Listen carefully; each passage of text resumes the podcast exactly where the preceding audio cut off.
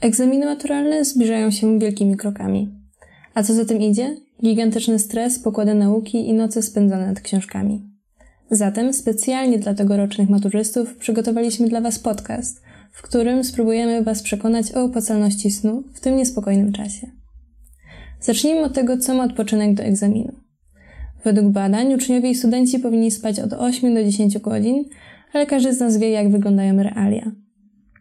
Spychamy sen na bok w imię obowiązków, nauki czy rozrywki, często nie martwiąc się o konsekwencje, jakie nas spotkają.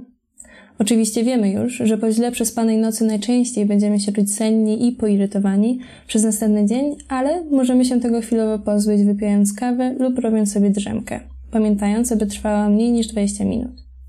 Co więcej, z innymi skutkami deficytu snu.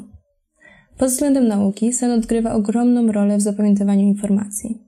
Podczas niego zachodzi proces konsolidacji pamięci, zatem nieodpowiedni jego czas znacznie pogorszy naszą pamięć, jak i zdolności poznawcze oraz utrudni tworzenie logicznych połączeń między faktami.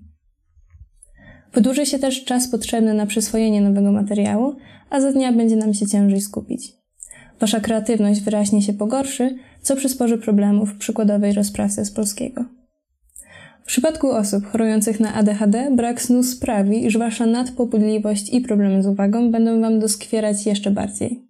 Niestety, ryzyko popadnięcia w depresję lub inne choroby psychiczne srodze wzrosną, a w połączeniu z presją nauczycieli, rodziców czy własnych ambicji mogą stać się przytłaczające. Jak zatem poprawić swój sen? Domyślamy się, że wraz ze zbliżającym się majem większość maturzystów nie uzna odpoczynku swoim priorytetem.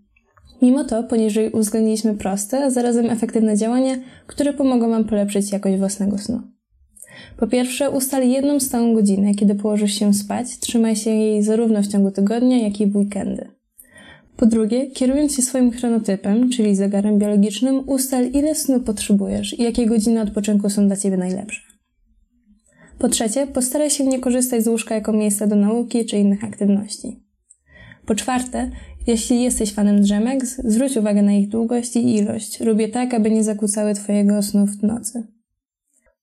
I piąte, nie skupiaj się wyłącznie na nauce. Postaraj się odpocząć psychicznie poprzez ćwiczenia, jogę lub medytację. Trzymamy za Was kciuki i powodzenia.